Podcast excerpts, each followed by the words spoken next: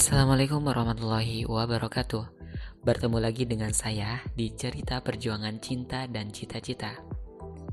Pada kesempatan kali ini, saya akan memberikan tips bagaimana prepare yourself, prepare your marriage. Bagaimana kita mempersiapkan diri kita untuk mempersiapkan pernikahan kita. Menikah merupakan sunnah Rasulullah Shallallahu Alaihi Wasallam dan termasuk ibadah yang paling lama dilaksanakan di antara ibadah-ibadah lainnya. Sebagaimana kita akan berpergian jauh, maka kita harus mempersiapkan perbekalan yang cukup. Begitupun dengan pernikahan. Menikah jika hanya karena cinta saja tidak cukup.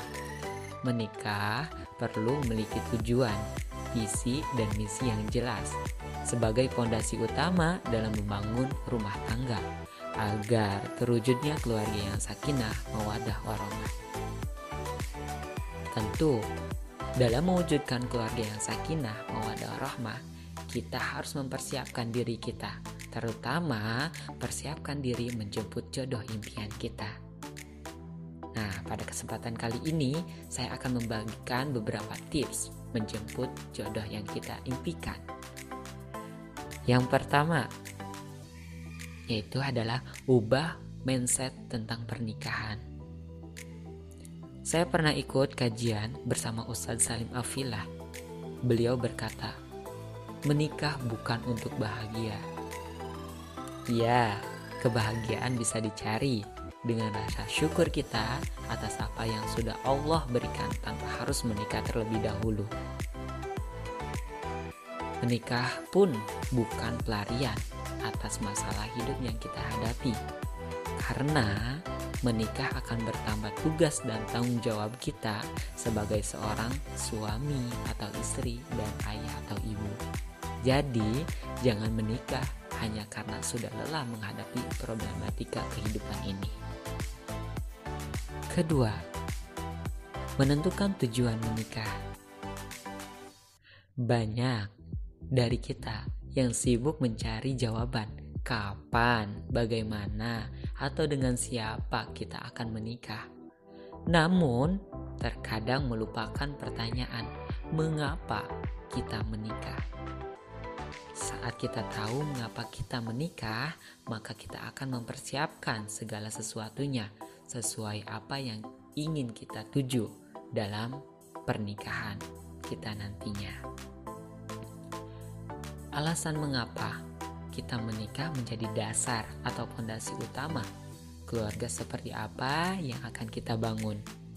Hal ini akan berkaitan dengan merumuskan tujuan, visi, dan misi pernikahan yang seharusnya sudah dipersiapkan jauh hari sebelum menikah. Ketiga, mempersiapkan ilmu menjadi seorang suami atau istri dan ayah atau ibu. Selain mempersiapkan finansial, mempersiapkan ilmu juga penting untuk dilakukan. Ketika menikah, maka bertambah amanah yang akan kita pegang. Menjadi seorang suami atau istri, dan ketika memiliki anak, maka akan bertambah tanggung jawabnya menjadi ayah atau ibu. Nah, salah satu penyebab meningkatnya angka perceraian adalah karena kurangnya pengetahuan akan hak dan kewajiban sebagai seorang suami atau istri. Tidak mengenal karakteristik pasangan dengan baik maupun manajemen konflik yang kurang diperhatikan. Untuk itu, alangkah baiknya untuk mempersiapkan ilmu sebelum menikah, termasuk ilmu mendidik anak. Hal ini guna mewujudkan keluarga yang sakita hingga jannah. Keempat, yaitu perbaiki hubungan dengan Allah Subhanahu wa Ta'ala. Sebagai hambanya, sudah menjadi kewajiban kita untuk patuh dan taat akan perintah Allah Subhanahu wa Ta'ala tumbuhkanlah rasa cinta pada Allah Subhanahu wa taala sebelum pada seorang yang kita cintai. Taatilah perintah Allah Subhanahu wa taala karena dialah yang memberikan segalanya dalam kehidupan kita. Begitupun pasangan. Jika kita tidak bisa mentaati perintah Allah Subhanahu wa taala, bagaimana kita akan taat akan perintah dari suami atau istri kita nantinya? 5. Perbaiki hubungan dengan orang tua. Ridho Allah kepada seorang perempuan sebelum ia menikah adalah pada orang tuanya. Ayahnya lah yang akan menjadi wali saat ia menikah. Dan ketika ia telah menikah, maka ridho Allah akan berpindah pada suaminya. Maka penting bagi seorang perempuan untuk taat dan patuh kepada orang tua. Karena saat ia patuh, bisa dipastikan ia juga akan patuh pada suaminya. Lain hal dengan laki-laki. Sebelum atau sesudah menikah, ia tetap harus patuh dan taat pada ibunya.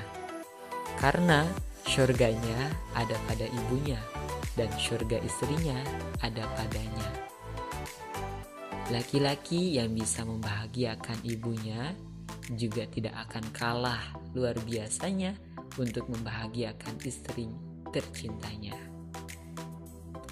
Dan yang terakhir, yang keenam adalah berserah diri hanya kepada Allah Subhanahu wa taala.